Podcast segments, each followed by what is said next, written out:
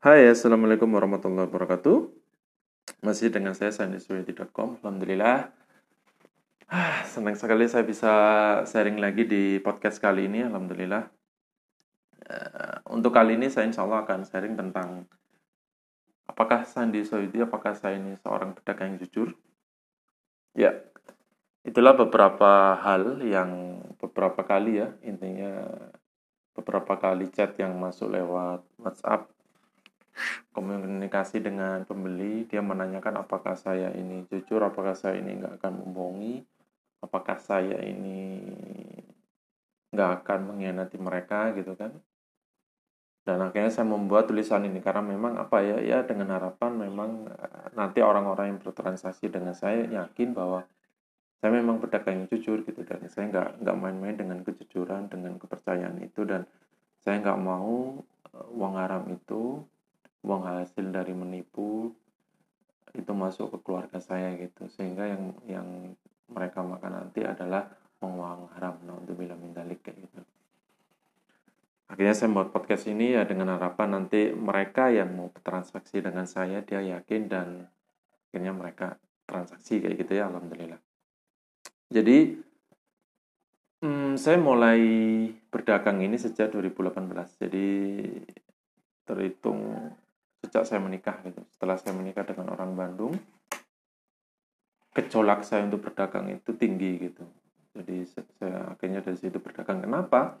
Ya karena Allah sudah ngasih amanah, Allah sudah ngasih tanggung jawab. Dari situ alhamdulillah Allah gerakkan sehingga saya berpikir bahwa saya harus memberikan terbaik buat mereka gitu kan dan saran nasihat dari saudara saat itu sebelum saya menikah adalah ketika kamu menikah nanti intinya ketika kamu menikah nanti kamu harus memiliki lebih dari satu sumber satu sumber rezeki gitu kan. Akhirnya saya berpikir oke okay, ini adalah langkah yang saya lakukan yaitu saya dagang gitu. Caranya gimana? Saya menggunakan uh, teknik digital marketing gitu. Jadi alhamdulillah pas kuliah waktu kuliah saya masuk ke komunitas digital marketing. Di situ ada registrasi memang tapi enaknya.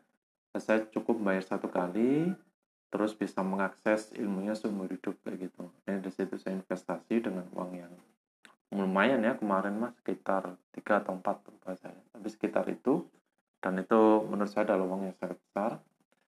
Tapi saat saya sebelum nikah saya masih ini nih uh, masih apa namanya masih nggak bergerak bergerak gitu. jadi saya masih nggak mau dagang gitu saya nggak mau praktek ilmu yang ada di sana padahal udah banyak orang yang dia merasakan manfaatnya kayak gitu kan. Karena apa? Saya nggak nggak ada sesuatu yang menghimpit gitu. Namun setelah saya nikah kayaknya alhamdulillah ada semacam kalau kata Jaya Budi ini the power of kepepet gitu. yang membuat saya kepepet alhamdulillah akhirnya saya bergerak kayak gitu. Dan akhirnya ya 2018 terhitung saya berjualan.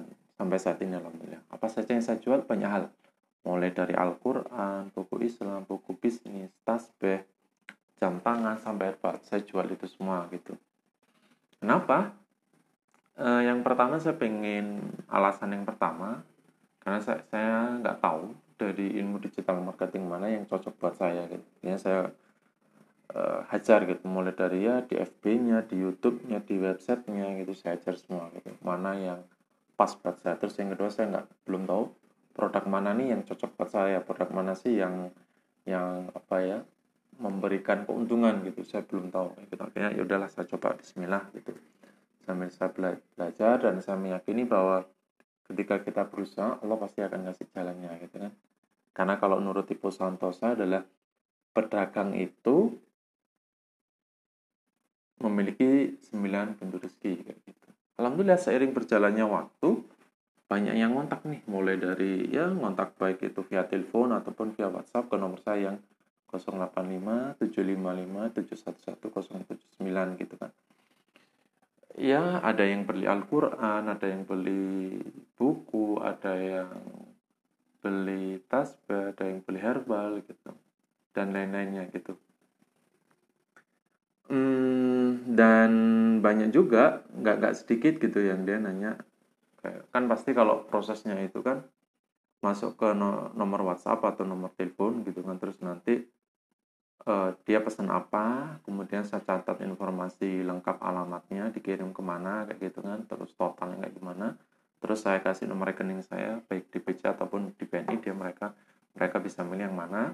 Setelah itu ketika uang masuk mereka transfer dulu ke saya. Ketika uang masuk terus saya konfirmasi memang udah masuk baru besoknya atau hari itu juga barang akan saya kirim gitu kan. Dan pas proses itu ada juga beberapa orang yang mereka menanyakan gitu apakah benar? gitu. Apakah um, saya nggak akan bohongin? gitu kan. Terus apakah bi bisa nggak kalau misalnya COD gitu ya. COD ataupun model biasanya uh, apa namanya maaf yang barang terkirim dulu baru setelah itu dia transfer uangnya. Terus saya sampaikan maaf bu uh, pak nggak bisa gitu. Jadi dari kami bisanya ibu transfer dulu hari ini ataupun besok barang akan kita kirim gitu kan. Kalau misal pemesannya pemesanannya uang masuknya ini siang ya maksimal siang barang akan kita kirim hari itu juga. Tapi kalau misalnya sore lebih dari siang ya itu besok baru kita kirim ya gitu.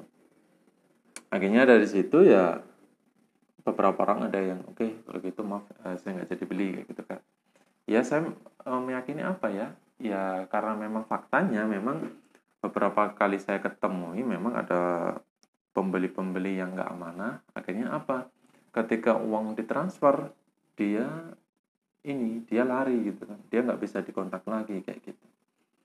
Ya saya mewajarkan itu kayak gitu. Tapi dalam prosesnya memang ya ini uh, apa namanya saya yakinkan dia saya yakinkan mereka. Alhamdulillah ada beberapa orang yang yang ini yang akhirnya transaksi dan terjadi gitulah.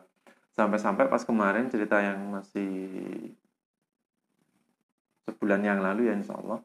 Jadi ada pembeli Al-Quran hafalan ke saya dari NTB dia beli nih gitu. Tapi saat itu dia masih belum percaya gitu kan apakah memang saya jujur apa enggak gitu da, dari proses itu dia sampai doakan gitu. Intinya kalau sampai intinya kalau sampean e, kalau masnya nggak jujur saya akan doakan mas jomblo jomblo hidup kayak gitu kan. Padahal saat itu saya udah nikah gitu.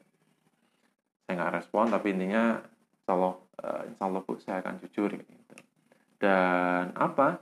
Dan saya pun ketika naudzubillah ketika misal saya nggak jujur pun terus nama saya pun ada di Google gitu. Jadi ketika teman-teman cari ketik nama saya Sandi Iswayudi ya pakai i Sandi Iswayudi itu pasti akan muncul nama saya foto saya gitu kan. Jadi kalau misalnya saya nggak jujur pasti reputasi reputasi saya pun akan hancur dalam hitungan detik kayak gitu kan. Kayak gitu. Ya dari situ ya alhamdulillah terjadi transaksi dan alhamdulillah gitu. Sampai sekarang berjalan gitu. Uh, sampai sekarang berjalan terus alhamdulillah dari hasilnya berdagang itu Allah kasih kemudahan sehingga bisa ya bisa membantu istri hamil terus bisa untuk akekah juga gitu akekah anak. Alhamdulillah. Kayak gitu. Dan apa ya pernah juga saya mengembalikan uang 100% gitu dari pembeli. Ceritanya mah saat itu adalah pembeli dari temen yang dia pesen jam original kopel mereknya itu Alexander Christie gitu kan. Kirim ke daerah puncak tempatnya dia bekerja. Hmm, dia pesan dia udah transfer terus barang kita kirim beberapa hari setelah itu barang udah sampai nih. Kita lihat di trackingnya di tracking racingnya ini barang udah sampai. Udah diterima tapi bukan sama dia tapi sama sapam gitu kan. Tapi setelah itu sayangnya ini barang nggak nggak dia terima gitu loh. Kok bisa? Padahal dari sapam dia udah nerima gitu loh.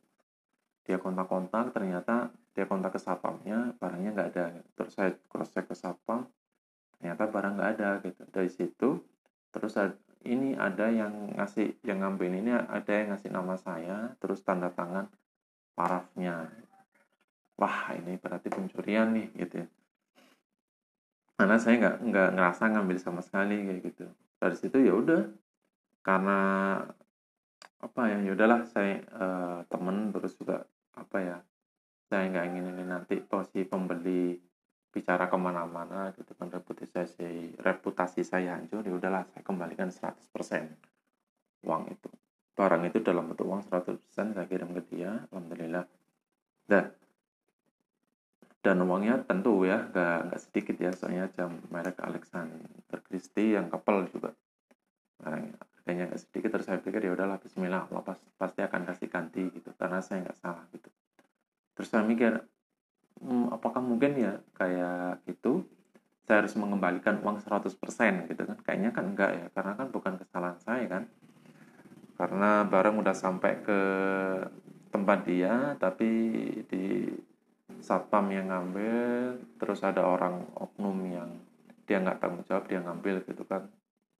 Kan bukan salah saya gitu kan. Uh, terus ya udahlah saya ikhlaskan aja lah saya ganti 100% kayak gitu. Alhamdulillah dalam waktu beberapa bulan si teman ini tadi dia ngontak lagi ke saya. Dia cari Al-Quran mas Al-Quran hafalan ada enggak ada mbak. Dia pesan ke saya dalam dalam omsetnya mah total transaksi mah satu juta ke atas gitu. alhamdulillah dari situ saya untung. Alhamdulillah dari situ terus beberapa bulan kemudian lagi sampai sekarang ini total udah ada dua transaksi. Dia pesan lagi ke saya Al-Quran. Alhamdulillah. Dari situ akhirnya uang masuk. Hmm, total kalau misalnya dihitung sama saya dulu membalikan uang dia yang 100% itu saya udah untung. Alhamdulillah saya udah untung besar kayak gitu kan. Dan insya Allah dalam waktu dekat pun dia mau mau order lagi nih dia mau beli order lagi Al-Quran alhamdulillah terus saya mikir bahwa memang ketika memang kita nggak salah terus kita pengen mengembalikan sudahlah daripada nanti uh, terjadi sesuatu hal yang buruk bagi usaha saya ya udahlah saya ikhlaskan. Alhamdulillah Allah kasih jalan gitu kan dan Allah ganti 100% kayak gitu alhamdulillah ketika Allah ganti 100% dan ternyata benar gitu yang yang apa sehingga yang terjadi kayak gitu. Alhamdulillah gitu. Dan kemarin pun ketika pas minggu kemarin ya insya Allah saya ketemu sama diskusi gitu kan sama teman terus ada juga pengusaha akekah samar kurban dia juga gitu. Sistem dia ketika misal ada barang ya dia ngirim sapi misalnya atau kambing ke konsumen nih tapi pas dalam proses perjalanannya ini si barangnya ini rusak gitu. Ataupun pas sampai di tempat konsumen belum satu hari pak si sapi atau kambing yang mati dia akan ganti 100% alasannya kenapa saat itu dia? Dia nggak mau ngecewain konsumen sehingga konsumen ini bilang ke mana-mana nih dia nggak mau ngecewain itu dia ganti 100% alhamdulillah sampai sekarang usahanya lancar. Dan ini pun sesuai dengan apa yang disampaikan dosen saya nih dan saya saya pernah cerita pernah cerita uh, saat materi kuliah tentang manajemen mutu ya saya masih ingat itu intinya satu konsumen itu membawa seribu orang di belakangnya. Jadi ketika konsumen satu orang ini puas, dia akan membawa seribu teman-temannya untuk membeli produk kita. Tapi ketika dia ini nggak puas, udah produk kita akan hancur seketika saat itu juga ngeri kan oke begitulah dari situ ya oke lah gitu kan. Oke dari situ apa yang bisa teman-teman dapatkan pelajarannya?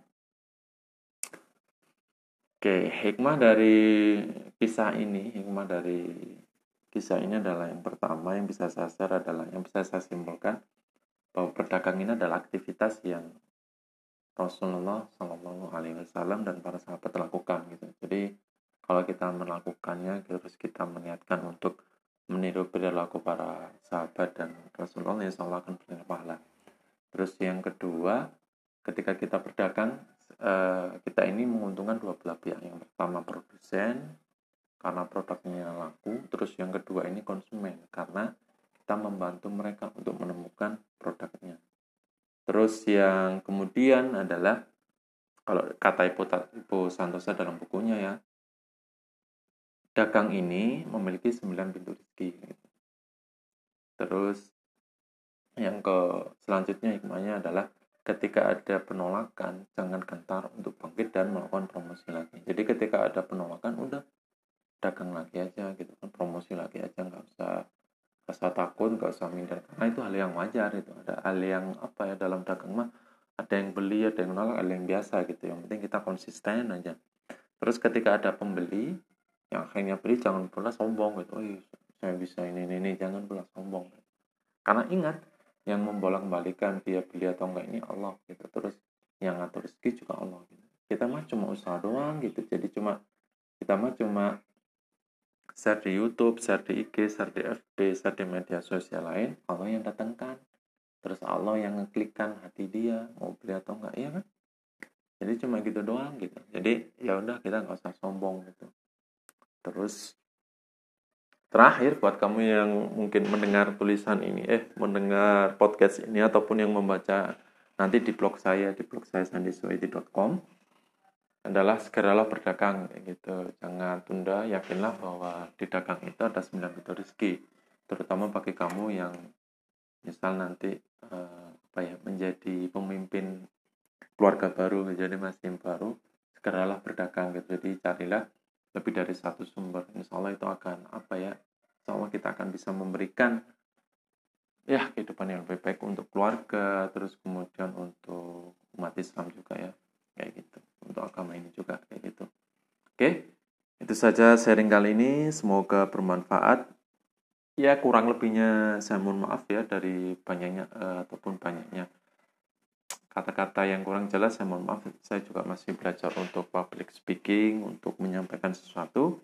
Semoga orang ini bermanfaat dan bagi kamu yang misal cari Al-Quran, cari tasbih atau cari buku-buku Islam atau bisnis bisa langsung kontak saya di 085 755 711 079 oke itu saja Assalamualaikum warahmatullahi wabarakatuh